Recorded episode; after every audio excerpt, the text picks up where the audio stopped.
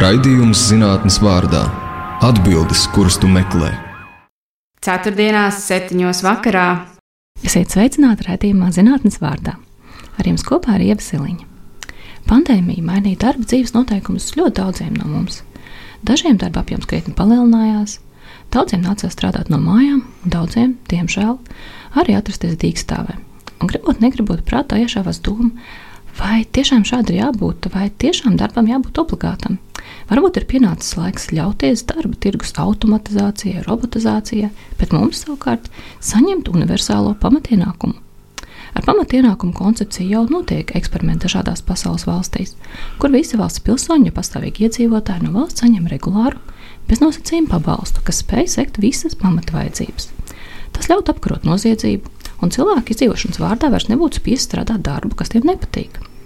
Universālais pamatienākums - darba tirgus nākotne. Par to arī mūsu šodienas saruna. Runāsim ar ekonomistu, Latvijas Universitātes biznesa vadības un ekonomikas fakultātes profesoru Jāni Priedi.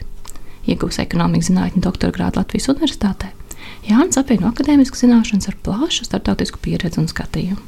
Jānis stažējies daudzās ārvalstu universitātēs - Kolumbijas Universitātē, Ņujorkā, ASV, Fuldas Lietišķo zinātņu universitātē Vācijā, Islandes Universitātē Islandē, Varšavas ekonomikas skolā Polijā, Aveiropa Universitātē Portugālē un arī, protams, kaimiņu valstu universitātē Starta Universitātē Igaunijā un Kaunas Tehnoloģiju Universitātē Lietuvā, kā arī citās.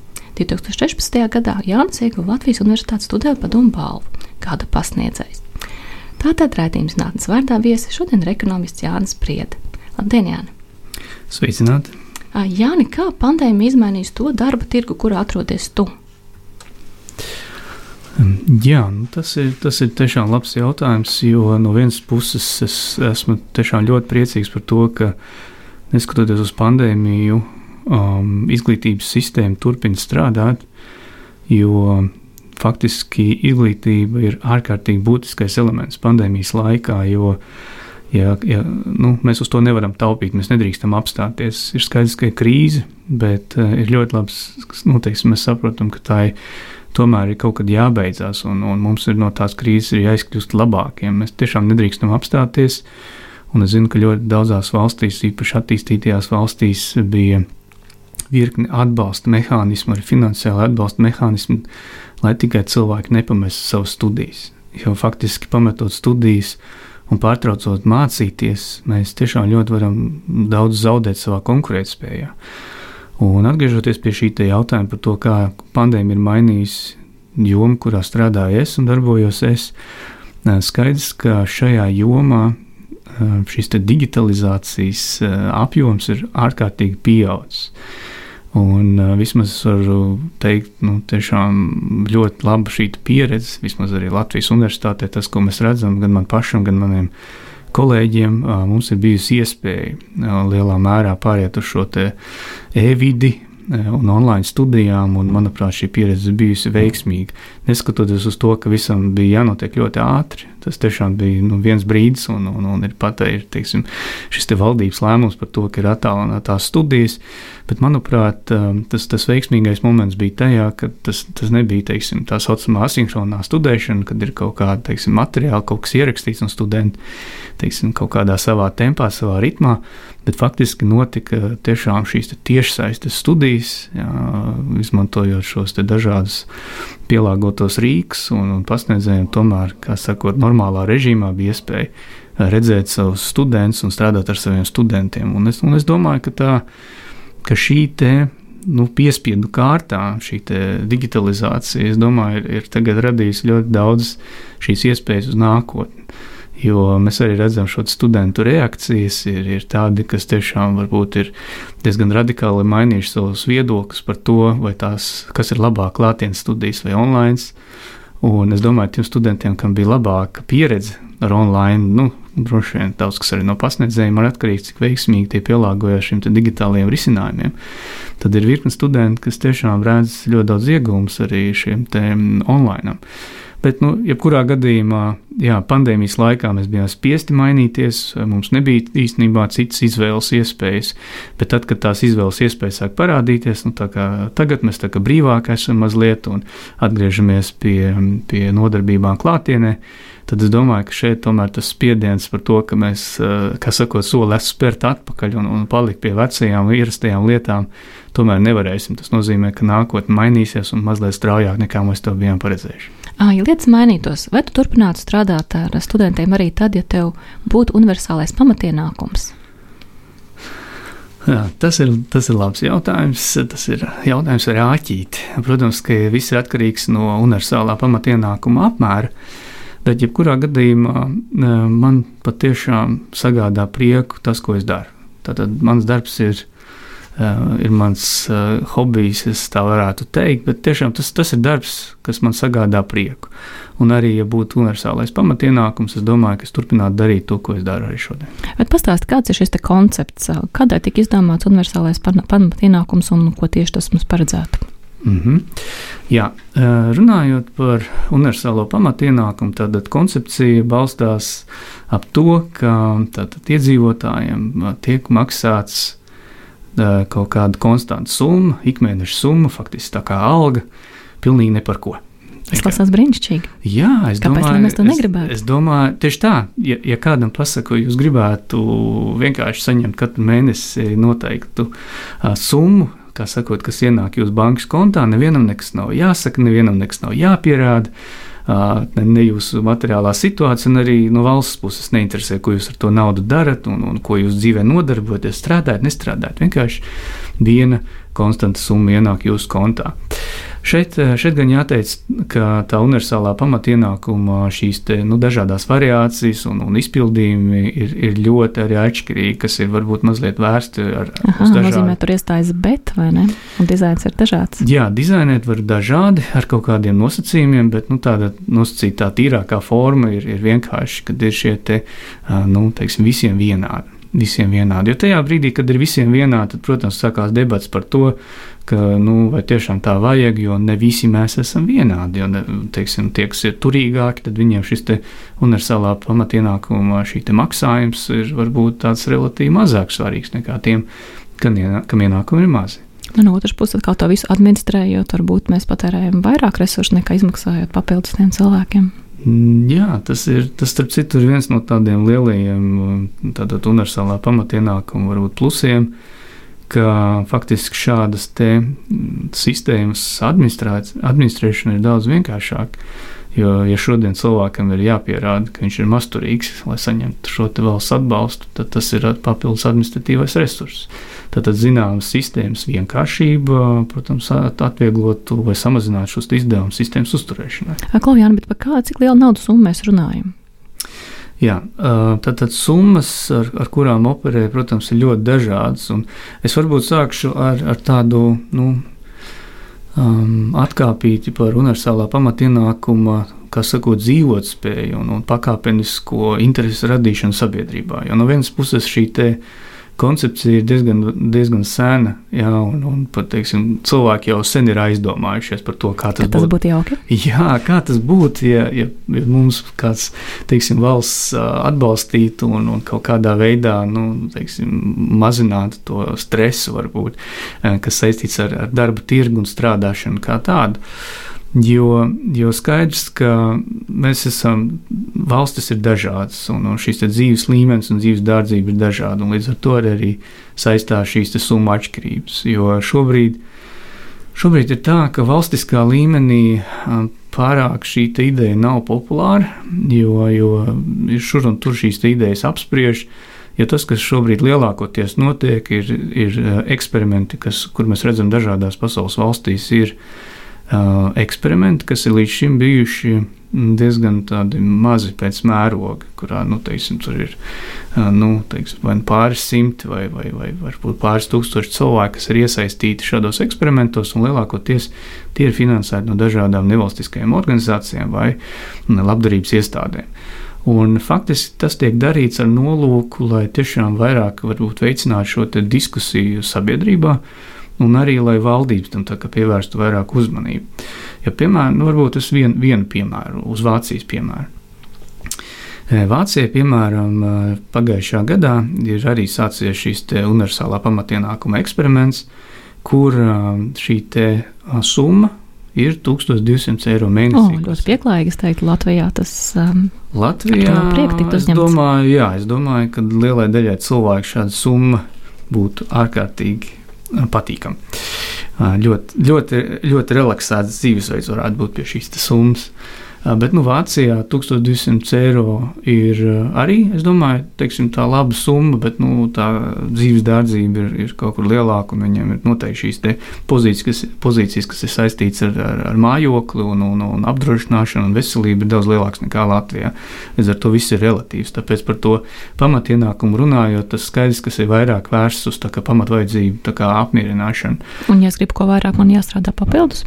Protams, jā, tā.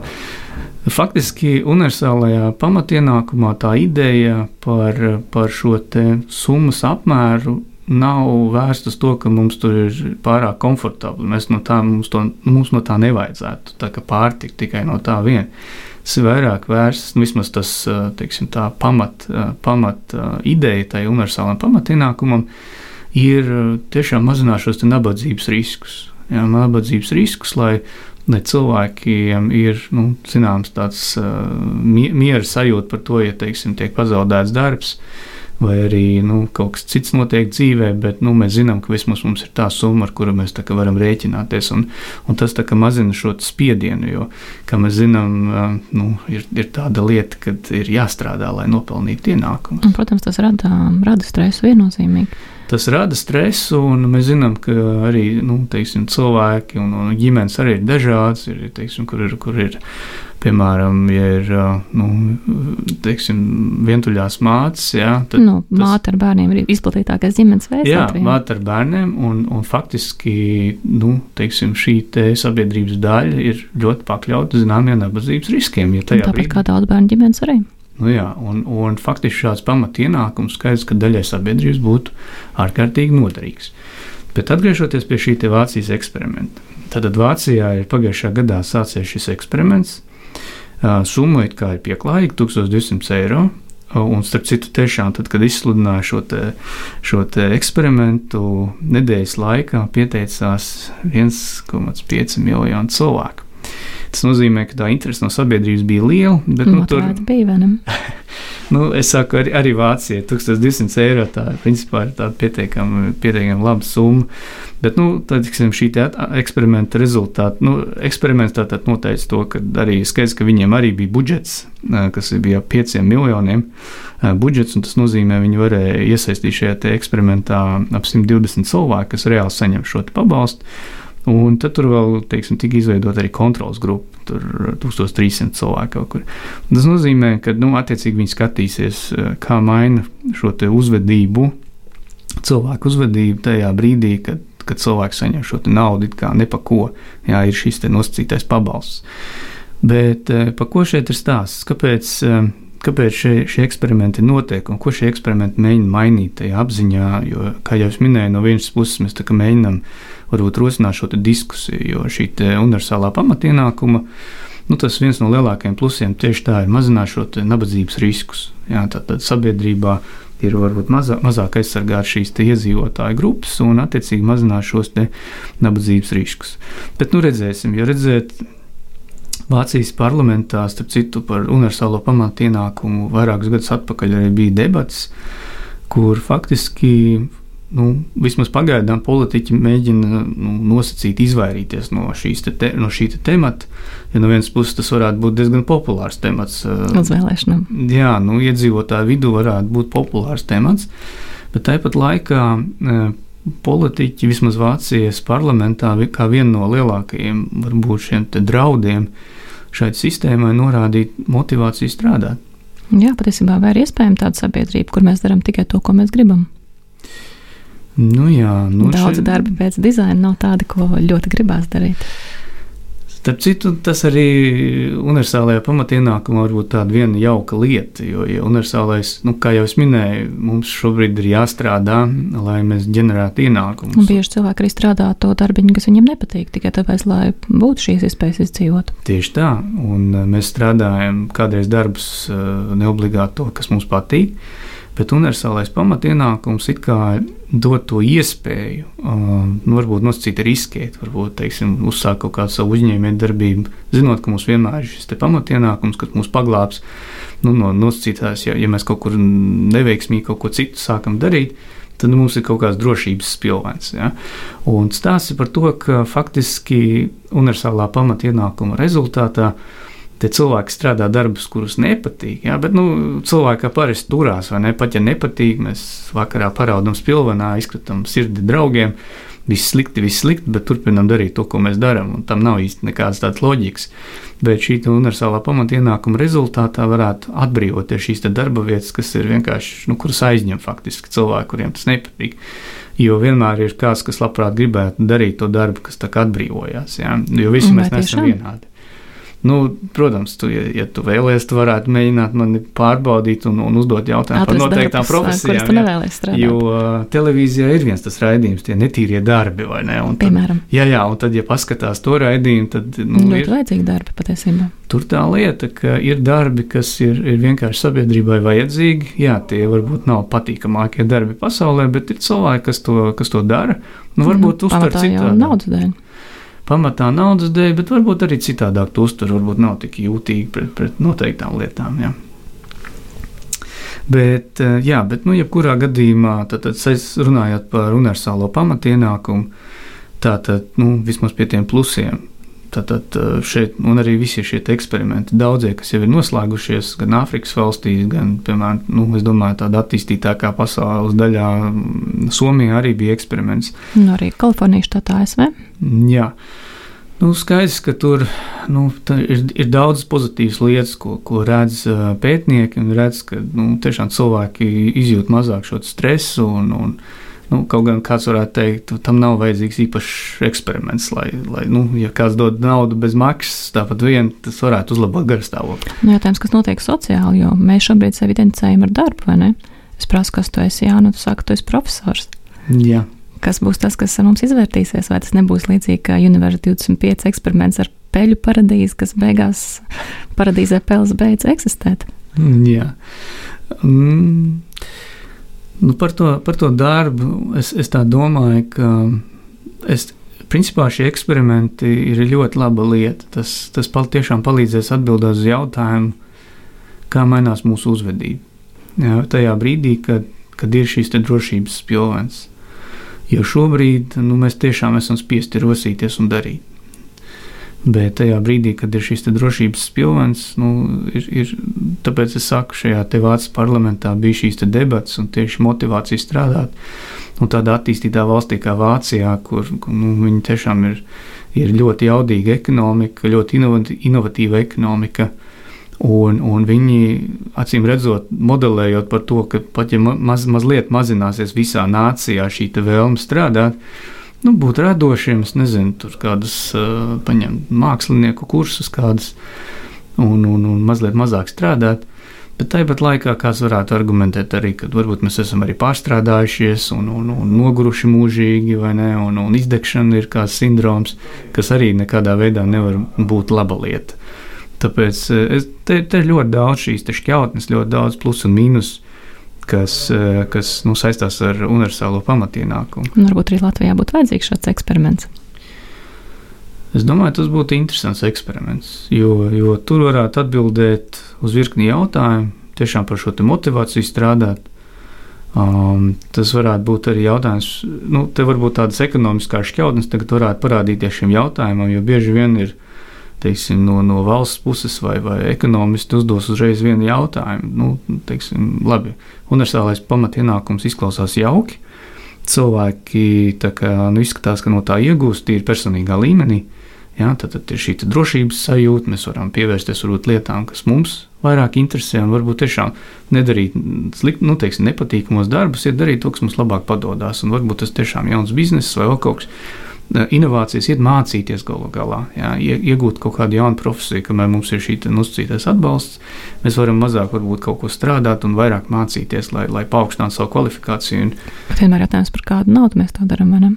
Nu jā, bet, bet pie negatīvajām, nu, nosacīt pie, tiem, pie, tā krit, nu, pie tās kritikas, kas ir saistīta ar universālo pamatienākumu, vienmēr tiek minēts tas, ka, nu, cik, cik šāda sistēma izmaksās un kas to finansēs beig beigās. Un, un vēl viena, bet tas ir tāds praktisks, praktisks um, um, tāds jautājums. Tad, un, un par to droši vien vērts aizdomāties, ir universālais pamatienākums, tātad, kas tiek maksāts noteikts valsts pilsoņiem. Un, piemēram, valstīs, kur šis universālais pamatienākums ir dāsns, tātad liela summa, kas elektroniski ieripo kontā, bet nav jau zināms, kur šis cilvēks fiziski atrodas, piemēram, un varbūt šī summa tiek tērēta pilnīgi citā valstī. Tas nozīmē, ja ar nodokļiem kaut kādā veidā šī sistēma tiek finansēta, un tā ideja ir tāda, ka universālais pamatienākums nonāk pie cilvēka, un viņš to naudu tāpat iztērē tajā pašā ekonomikā. Tad tā nauda nonāk atpakaļ apritē un ar nodokļiem kaut kādā veidā atgriežas. Bet, ja kāds ir saņēmis uh, Vācijā universālo pamatienākumu 1200 eiro un, un atbrauc uz Latviju uz, uz Lidlu atklāšanu, nu, lai iztērētu šeit, nu, tā salīdzināt Vācijas Lidlu un Latvijas Lidlu, tad uh, attiecīgi nu, Vācijai no tā nav nekāda tāda iegūma. Ja? Un, un, starp citu, tas ir viens no tādiem praktiskajiem problēmām. Ja valstīs atšķirsies šie te, teiksim, piedāvātie universālā pamatienākuma modeļi, tad uh, cilvēki atkal varētu, jo mēs esam mobili Mēs esam mobili. Mobilitāte neviens nav atcēlis. Brīva darba spēka kustība, vai ne? Tieši, Eiropas Savienība. Tieši tā, Eiropas Savienība mums ir pilnīgi brīva darba spēka kustība. Un, ja jūs esat nu, deklarējies kādā noteiktā valstī, tad, nu, saņemot tur šo atbalstu, jūs nu, to jautājums par to kontrols mehānismu. Un vai tāds ir vajadzīgs? Jā, kas nozīmē, ka uzreiz visam šim pamatienākumam ir savas bet. Jā, tā, tā, tā izskatās. Bet es, es domāju, kopumā tas, ka, tas, ka šo testē, tas nav slikti, bet te, ir ļoti daudz, protams, argumenti pretī, jo šie eksperimenti ir salīdzinoši ar, ar nelielu cilvēku skaitu. Ja, jo, ja Vācijā tagad ir um, teiksim, trīs gadu eksperiments un, un ir tikai 122 cilvēki, tad to nevar īsti attiecināt, ka pat, pat ja tā izlase varbūt ir nop, nu, nosacīta reprezentatīva no dažādiem sociālajiem slāņiem, cilvēki, nu, tā lai paskatītos tiešām, kā ir mainījusies viņu ikdienu paradumi un, un tēriņi, tad uh, tikai uz šādu eksperimentu balstīt, piemēram, kaut kādu lielāku un ambiciozāku mērķi visā valstī, kaut ko ieviest, tad tas būtu diezgan, protams, vaiprātīgi. Bet, jebkurā gadījumā, nu, un starp citu, arī šie cilvēki zina, ka viņi ir eksperimentā. Nu, tādā ziņā es ļoti labi apzinos, respektīvi, uh, Šeit parādās kāds moments, ja jūs esat iesaistījies uh, universālā pamata ienākuma eksperimentā. Ko jūs redzat savā bankas kontā? Jūs apzināties, ka tas ir uz trīs gadiem, un pēc trīs gadiem tas beigsies. Varbūt pēc šos trīs gadus ir jāatpūšās, cik vien var, vai ne? Tur tā lieta, zinot, ka tas ir īslaicīgs, tas arī ir ietekme uz to jūsu uzvedības modeli. Varbūt kāds arī ļoti labi saprot, ka, teiksim, trīs gadu laikā saņems vairāk nekā 40 tūkstoši eiro Varbūt tā nauda vienkārši jāuzkrāj un jānopērk Mercedes beigās. Nu, nu, tas, tas ir tāda nosacīta neracionāla rīcība. Tā nav tā, kā domāt universālajā pamatienākumā, ka tas ir tā, ka, nu, tāda piešķirta un paskatīties, kā jūs mainaties. Un, un cilvēki beigās pilnīgi neko nemaina, vienkārši krāja kontā. Ne, cilvēki pret ekonomistiem. Šis ir raidījums zinātnes vārdā. Ar jums kopā ir Ieva Siliņa. Viesos mums šodien ir Latvijas Universitātes biznesa vadības un ekonomikas fakultātes profesors Jānis Priede. Iepriekš runājām par universālo pamatienākumu, bet tagad gribētu pieskarties šī pamatienākuma saknei - darba tirgus automatizācijai. Saka, Jāni, cik pamatoti būtu mums satraukties, ka vienkāršākos darbus pārņems datori un roboti? Um, satraukumam ir pamats.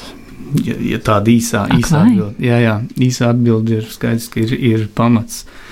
Jo, nu, ja, ja vienkārši tādus kaut kādus lielos skaitļus ja, ka faktiski automatizācijas riskam ir pakļauts 30% e, no darbiem, un šie 30% varētu izpildīties līdz 2030. gadu vidum. Tas nozīmē, ka pietiekami ātri e, šis darba tirgus mainīsies. Un, mums ir desmit gadu laikā, mums Latvijā trešā daļa darba vairs nebūs vajadzīga nu, teiksim, ja mēs globāli skatāmies, jā, globāli, jo skaidrs, kādās dažās valstīs varētu būt izteiktāk un kādās citās mazāk izteikti.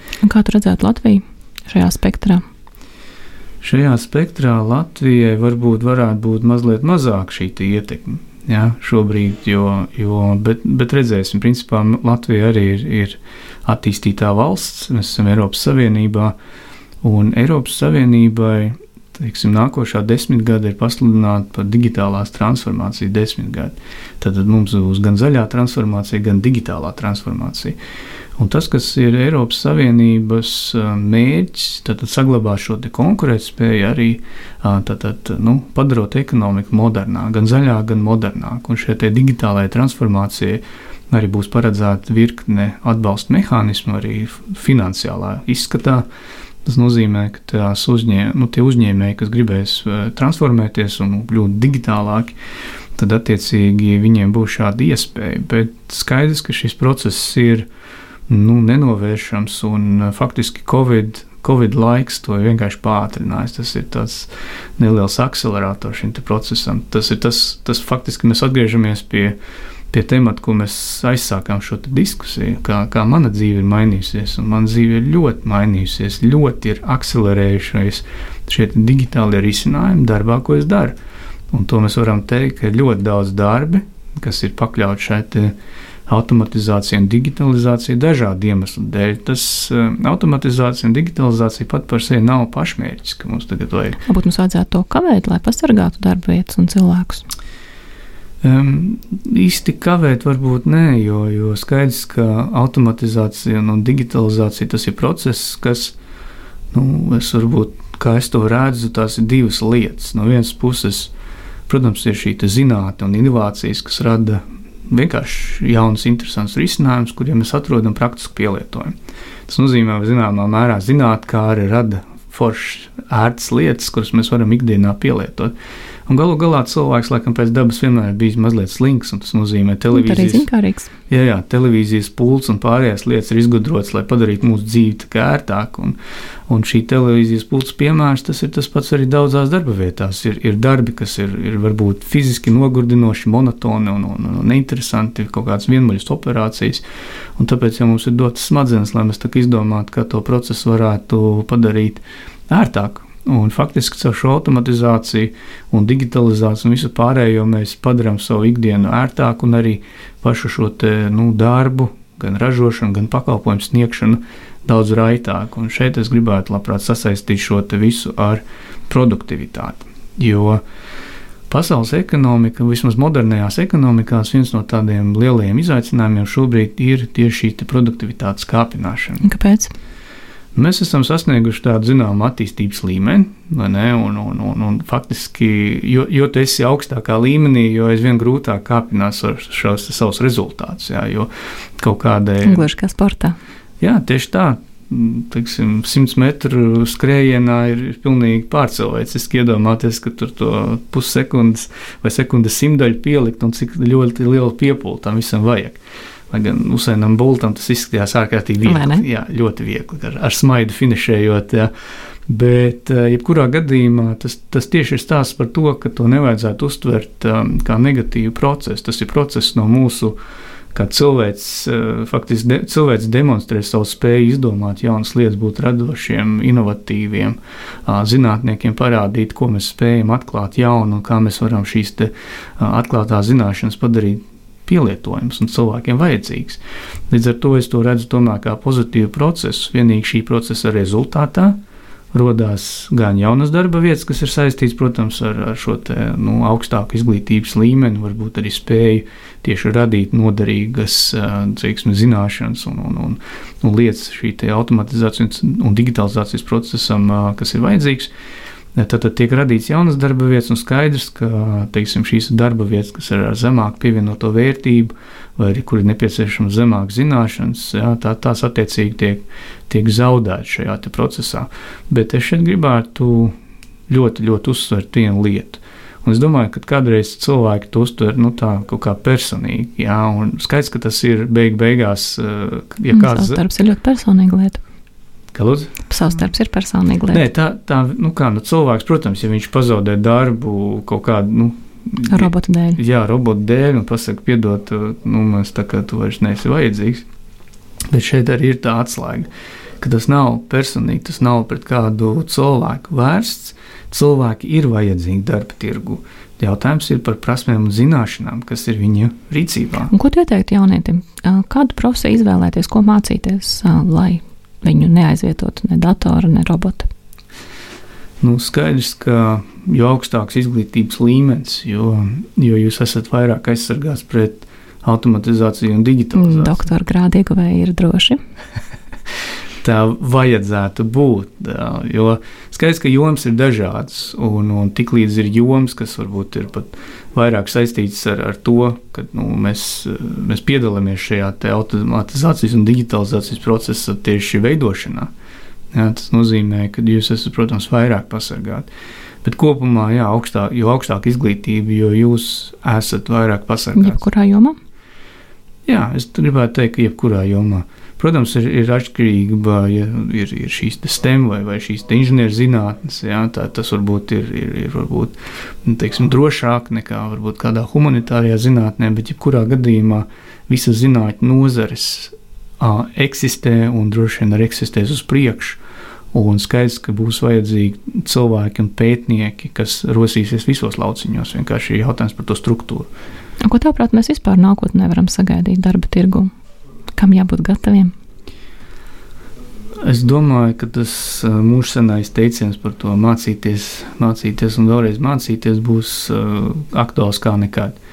Mēs, un es domāju, ka šeit būs tas, tas nemitīgais nemitīgais process apgūt jaunas lietas, jo, jo izskatās, ka nu, diezgan strauji viss kaut kas jauns tehnoloģijas ienāk pilnīgi visās jomās.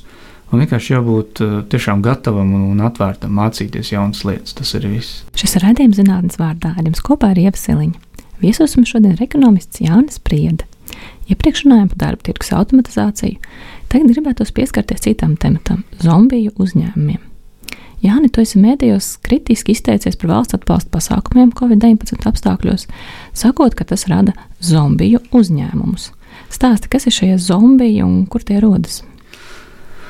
Um, jā, nu tāds uh, interesants termins, kas ir saistīts ar, ar zombiju uzņēmumiem. Un faktiski šeit, šeit ir runa par, par uzņēmumiem, kas uh, nav pēc būtības dzīvotspējīgi, Bet, eh, piemēram, eh, ja kaut kādā veidā viņi saņem valsts atbalstu, sanāk, viņi turpina eksistēt. Uz dīkstāvs pabalstu? Kaluz? Uz dīkstāvs pabalstu? Jā, nu, dažādi, jebkāda veida pabalsti. Jā, arī Covid laikā teiksim, ir ļoti daudz teiksim, līdzekļu, ir, ir novirzīti uzņēmumu dzīvotspējas saglabāšanai vai faktiski nodarbinātības jautājumu risināšanai. Un te nav runa tikai par Latviju, jo zombiju uzņēmumu šo pētniecību uh, izskatās, ka nu, kļūst aizvien aktuālāka, jo, jo ļoti daudz kur šāda te.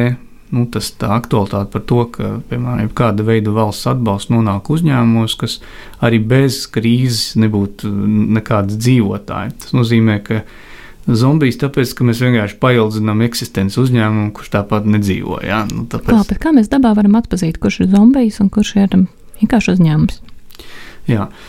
Nu šeit tā metodoloģija ir relatīvi vienkārša. Tas nozīmē, ka tātad, ir uzņēmumi, kuriem, piemēram, ir strauji kritusies šī te, nu, teiksim, šis te sniegums, vai apgrozījums, vai peļņa tieši krīzes dēļ. Un mēs redzam, ka ir iestājusies krīze, un tad šie uzņēmējdarbības rezultāti strauji krītās. Tas nozīmē, nu, ka tas visticamāk tas galvenais iemesls.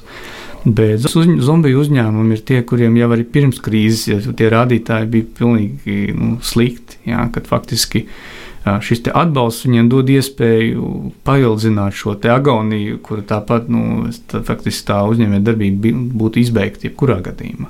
Un tad sanāk, ka šie līdzekļi vienkārši ir nu, kaut kādā veidā nepārāk liederīgi izlietot. Es nesaku, ka tas ir pilnīgi iztērēta nauda, jo acīm redzot, ka nu, tā nauda tāpat nonāk nu, kaut kādās jā, darba algās, jā, bet atbalstīt uzņēmumu, kurš, kuram varbūt nav izvēlēts pārāk veiksmīgs biznesa modelis vai mēs tikko runājam par darba tirgu, ir, ir, darbi, ir darbi, ir profesijas, ir, ir nozares, kas vienkārši transformējās, un vilciens ir aizbraucis. Ja. Nu, teiksim, nu, ir, ir, ir daudzas lietas, kas mainās, un uzņēmums nemainās, un viņa vienkārši neveiksmīgais biznesa modelis vai kas cits noved pie, pie nu, teiksim, sliktiem rādītājiem, tad attiecīgi šādu uzņēmumu atbalstīt no valsts ir vienkārši neliederīgi. Ko šie zombiju uzņēmumi nodara mūsu darba tirgumu? Nu, no vienas puses, uh, varbūt uh, nu, sanāk tā, ka darba, darba tirgus kontekstā šie zombiju uzņēmumi nodarbina cilvēkus, jā, kas varētu būt noderīgi citos uzņēmumos, kuri varbūt ir veiksmīgi. sanāk, nu, ka tas cilvēku, cilvēku resurss tiek aizturēts tādās nu, vienkārši uzņēmumos, kuriem ir slikti rezultāti. Tad, nu, ticot varbūt arī šim darba tirgus šim mehānismam, jā, tad, tad zombiju uzņēmums, piemēram, bankrotējot, atbrīvo šos cilvēku resursus, kas attiecīgi ir pieejami citiem uzņēmumiem. Kā būtu jāveido valsts atbalsts, lai tas būtu efektīvāks? Nu, tad skaidrs, ka šo valsts atbalstu ir jābūt uzmanīgam, jo teiksim, tāda valsts iejaukšanās uzņēmēja darbībā, protams, var tikt uzskatīta par zināmu konkurences kropļojumu. Un Eiropas Savienībā par to, protams, ļoti iestājās, lai attiecīgi visiem būtu nu, teiksim, vienlīdzīgi spēles noteikumi. Bet nu, tas nav nekāds noslēpums, ka šādi valsts atbalsta mehānismi eksistē un faktiski ir mērķiecīgi virzīti uz noteiktām, noteiktām jomām tās pašas inovācijas vai kādas citas programmas, kas veicina to, ka uzņēmēji ir spējīgi radīt uh, preces un pakalpojumus ar augstāku pievienoto vērtību. Jo tas galu galā ir ne tikai nu, teiksim, Latvijas, bet arī visas Eiropas Savienības interesi, lai mēs uh, pelnītu vairāk, eksportētu vairāk un lai mūsu dzīves līmenis būtu augstāks. Bet no otras puses, vai nu esi inovatīvs, vai tu mirsti, tie nozīmē, ka šeit zombijiem mirstot, arī cilvēki paliek bez ienākumiem, kas rada sociālus riskus. Mm principā nu, mehānismam vajadzētu tomēr darboties tā, ka, ja, jā, ja cilvēks iepriekš ir darbojies zombiju uzņēmumā, kurš izbeidz savu eksistenci tāpat kaut kādā agrā vai vēlā. Protams, es nesaku, ka ne, var notikt brīnums, piemēram. Bija arī bez krīzes slikti, bet krīzes laikā ir saņemts atbalsts un varbūt tiešām izdomā kaut ko interesantu. Nu, uznāca iedvesma, mūza atnāca, ja, un tad mēs darām kaut ko un, un atdzīvinām šo uzņēmumu. Bet, principā, principā ja tiek atbrīvot šie te, teiksim, cilvēku resursi, īpaši kā Latvijā, cilvēku resursi ir vienmēr noderīgi arī citiem uzņēmumiem. Valsts atbalsta pasākumi būtībā rada negodīgas konkurences apstākļus. Tādā ziņā, ka vienas jomas tiek atbalstītas, citas nē. Kā tev liekas, cik vēlama šāda iejaukšanās darba tirgu? Mm, faktiski šeit ir jāraugās no, no tādas nu, teiksim, valsts valsts politikas. Jo, kā jau, kā jau es minēju, piemēram, šobrīd, ja Eiropas Savienībā ir, tātad ir paredzēta šī digitālā transformācija un zaļā transformācija, tas nozīmē, ka ir zināms atbalsta mehānisms paredzēts. Varbūt var izstāstīt, kas paredzēts digitālajā un kas zaļajā transformācijā, uz ko mums ir jātransformējas. Nu, tas ir lielā mērā saistīts ar izmantojamajām tehnoloģijām.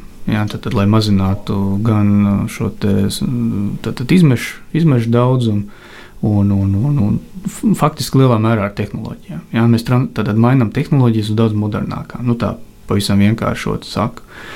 Bet tas nozīmē, ka tas ir uh, un, nu, teiksim, tas Eiropas Savienības tātad, kopējais mērķis, tātad uzstādījums vai vīzija. Mēs gribam kaut kur nokļūt, kas mums būs kopumā kā sabiedrībai iegūms. Un faktiski mēs tam arī paredzam šos līdzekļus. Jā, pēc būtības tā ir zināma kā iejaukšanās, un vajadzētu uzņēmumiem varbūt pašiem kaut ko darīt. Bet eh, principā ir, ir jomas, kurās arī ekonomisti ir pierādījuši, ka nu, tādā brīvā tirgu daudz kas vienkārši nenotiks pats par sevi. Piemēram, nu, piemēram starp citu, tās abas divas jomas, kas ir tagad pieminētas, gan zaļā transformācija, gan arī inovācijas, ir, eh, ir ekonomisti, kas ir pierādījuši, nu, piemēram, Viljams Nordhaus ir saņēmis Nobela prēmiju ekonomikā tieši par šo zaļo transformāciju. Un viņš ir pierādījis to, ka nu, tāpat vien nekas nenotiks, jo mēs nespējam kā nu, teiksim, individuāli, varbūt individuāli kā, kā sabiedrības locekļi, kā varbūt mazāki uzņēmumi, mēs varbūt nespējam domāt kategorijās 50, 100 un 200 gadus priekšu nu, galu galā daži ir ļoti egoistiski, laikam man pietiks, un, un, un tajā vietā arī liekam punktu. Bet, ja mēs raugamies no tādām teiksim, liel, tiešām lielākiem mērķiem, un kas ir vajadzīgs sabiedrībai un, un, un civilizācijai kopumā, tad ir, ir noteikts lietas, kuras tiešām var, var veicināt tieši ar šādiem atbalsta mehānismiem. Zināmā mērā nu, radot šo stimulu attīstīties noteiktā virzienā. Uh, Un šie atbalsta mehānismi, protams, tie ir piemēram caur, caur konkursiem kaut kādā veidā visiem tomēr pieejami un labākie varbūt arī tiek pie šī rezultāta vai atbalsta. Bet, nu, zināmā mērā no valsts puses jau arī atbalstīt varbūt tos, kurus, kuri var, ir, ir arī liederīgāk, jo šis rezultāts vai efektivitāte ir augstāka. Ko domā par jauniem ekonomikas veidiem, kā piemēram dalīšanās ekonomika? Vai tas ir uz palikšanu šeit, vai nāks jauni trendi un iepriekšējā aizmirsīsies?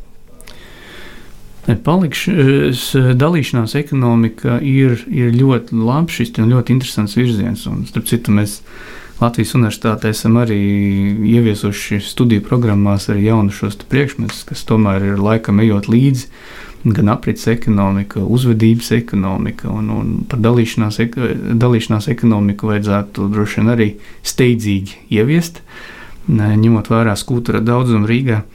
Bet, bet jebkurā gadījumā šīs tiešām ir, ir, ir, interesantas šīs te, teiksim, transformācijas ekonomikā un cilvēku arī domāšanas, domāšanas maiņa. Un, un, un tiešām tas, kādā veidā mēs eh, patērējam preces un pakalpojumus, un, un tad, tad vienkārši runa arī par, par efektivitāti, par resursu izlietojumu efektivitāti. Jo, jo skaidrs, ka uz šīs planētas mums tie resursi neatjaunojami ir tādi, kādi ir. Ir atjaunojami resursi, protams, un, un nu, attiecīgi mums ir jādomā laikam līdzi. Tāprāt, tā šīs tendences paliks? Mēs turpināsim darboties apritē un daloties.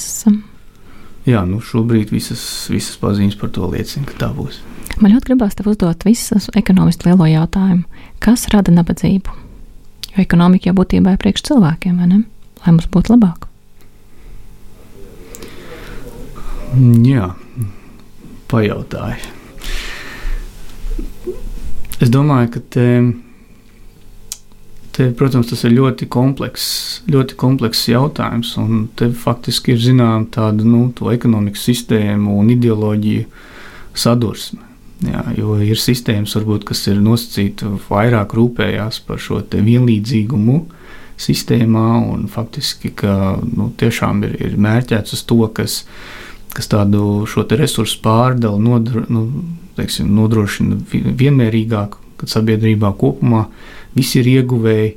Bet nu, tie, kas ir teiksim, vairāk aizstāv tādas eh, nosacīti agresīvākas formas, kur, kur tavs sniegums ir tieši saistīts ar tavu rezultātu, tad atkal, nu, kāds varētu teikt, ka tie, kas vienmēr tādi, kas ir aktīvi strādā, nu, un attiecīgi viņi redz šo savu rezultātu, un tas ir dzinos ekonomikā. Jo, ja kāds vienkārši pārda, pārdala, lai visiem ir godīgi, tas varētu nogalināt šo vēlmi eh, kaut ko darīt, jo tas tev, tev pienāksies. Nu, gluži kā universālais pamatienākums. Jā, gluži kā universālais pamatienākums. Bet kopumā es domāju, par nabadzību runājot, eh, viss sākās ar valsti, ar, ar šo iekārtu, ar saimniekošanu kā tādu, jo, jo cik cik teiksim, šī te, nu, tiešām valsts, valsts un šī saimniekošanas iekārta ir tāda, kas nodrošina arī cilvēkiem iespēju atrast sev pielietojumu tādā ziņā, ka ir šis darbs vai, vai faktiski radīt kaut kādu vērtību un, un ar kaut ko nodarboties. Jo mēs ļoti labi zinām, ka ir, ir valstis, kas, piemēram, sēž uz, uz, uz dabas bagātībām, jā, un, un attiecīgi tā, tā, diemžēl, sabiedrības noslāņošanās ir tik liela. Jā, tad, tad, tad nav pat runa par to, ka nav te, šīs te līdzekļi. Ir vienkārši jautājums par to, nu, kādā veidā mēs saimniekojam, vai sabiedrība kopumā no tā kaut ko iegūst. Tā kā principā viss sākās, protams, ar lielo bildi, un tad jau mēs nonākam līdz tādam individuālam līmenim, to, ko katrs cilvēks individuāli ir vai nav gatavs darīt. Kādas pārmaiņas jūs gribētu redzēt Latvijas tautsēmniecībā? Nu, ja runā par Latvijas tautsēmniecību, es domāju, man vismaz šobrīd, teiksim, no visiem pētījumiem, kurus esmu iesaistījies, laikam jau ir viena tāda viena, viena lieta, kas ir pirmā, kas man nāk prātā, un tas ir tieši saistīts ar šo finansējumu pētniecībai un attīstībai Latvijā. Un tas nav tikai saistīts tāpēc, ka es esmu pats uh, universitātes ieinteresētā puse. Jā, ieinteresētā puse, un no manas mutes varbūt tas izklausīsies kā sakot, nepārāk, nepārāk labi, ja es teikšu, ka vajadzētu zinātnē vairāk naudas. Bet te nav runa tikai par augstākās izglītības sistēmu, kura, protams, varētu būt dāsnāk finansēta. Un, un es tiešām man ir ne tikai man ir tāda pārliecība, bet tie ir dati, kas parāda, ka jebkāda veida ieguldījumi zinātnē, izglītībā, pētniecībā un attīstībā nāk ar rezultātu caur teiksim, augstākas pievienotas eh, vērtības preces un pakalpojumus. Tas nozīmē, mēs varam tiksim, ne tikai šīs radīt, radīt šīs lietas un pārdot Latvijai, bet arī eksportēt un faktiski no tā pelnīt. Un, un es domāju, ka tas ir tas sāpīgais jautājums, eh, arī pamatot šos ieguldījumus, jo mēs zinām, ka nu, ieguldījumi zinātnē un, un, un pētniecībā var nākt ar atdevi tikai pēc daudziem gadiem. Un tad, protams, ir jāskatās arī uz šo politisko dzīves ciklu, kad ir, teiksim, cik ir ievēlēšanas periods un vai politiskā līmenī uh, ir gatavi cilvēki riskēt un varbūt ieguldīt ar atdevi, kas būs tikai krietni vēlāk, jo, jo teiksim, šie te augļi varētu būt jau pie, nu, pilnīgi pie citas valdības, kas, protams, uzņemsies visu atbildību par šo rezultātu. Bet, jebkurā gadījumā, runājot par tieši šo te, uh, izdevumiem pētniecībā un attīstībai, um, tātad, nu, statistiski mēs zinām, ka tas iedalījums ir tāds, ka ir, tātad, ir Uh, valsts un augstākās izglītības ieguldījumi, ir privātā sektora ieguldījumi pētniecībā un attīstībā, un tad ir nevalstiskais sektors. Eh, Latvija kopumā, nu, teiksim, cik, cik mēs tērējam kā procentu no iekšzemes koproduktu, Latvija nav pēdējā vietā Eiropas Savienībā, nu, mēs esam tur tādā kā lejas galā, bet tas, kur mēs esam patiešām ļoti slikti izskatāmies, tas ir tieši uzņēmumu ieguldījumi pētniecībā un attīstībā kā procents no iekšzemes koprodukta. Un tas man ļoti satrauc, jo, jo faktiski nu, teiksim, šeit līdzekļu ieguldījums, lai mēs spētu mazliet pakāpties šajā piegāžu ķēdēs un, un pienotās vērtības ķēdēs, tas būtu tas, tas kur mēs arī spētu pelnīt vairāk un, un cilvēki, cilvēkiem būtu lielāks algas un, un, un pārticības līmenis būtu lielāks. Tā kā, bet, nu, ir, ir, protams, labas ziņas, ir, ja mēs paskatāmies arī uz šo te noturības atjaunošanas mehānismu, tad, tad krīzes pārvarēšanas, covid saka pārvarēšanas mehānismos šie līdzekļi ir paredzēti, papildus līdzekļi. Tas, protams, kopējo bildi dramatiski nemainīs, bet es, es esmu optimists un tomēr raugos pozitīvi, ka ir papildus līdzekļi un mēs tomēr domājam par mūsu nākotni. Par nākotni runājot, kāda tev pašam ir nākotnes plāni, kādus pētījumu virzienus tu vēlies attīstīt? Pats es turpināšu strādāt pie produktivitātes jautājumiem, un īsnībā šis virziens, kas ir saistīts ar universālo pamatienākumu un arī dalīšanās ekonomiku, tas ir noteikti ļoti perspektīvi virziens pētniecībā. Nobeigumā, tev ir ļoti plaša ārvalstu pieredze. Kādi ir tavi galvenie secinājumi par darba vidi dažādās valstīs?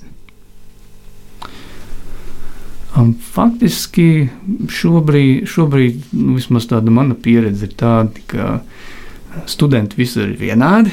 Jā, mēs, mēs varam paskatīties uz normālo sadalījumu. Ir tādi, kas ļoti mācās, un ir tādi, kas nemācās pilnīgi visur.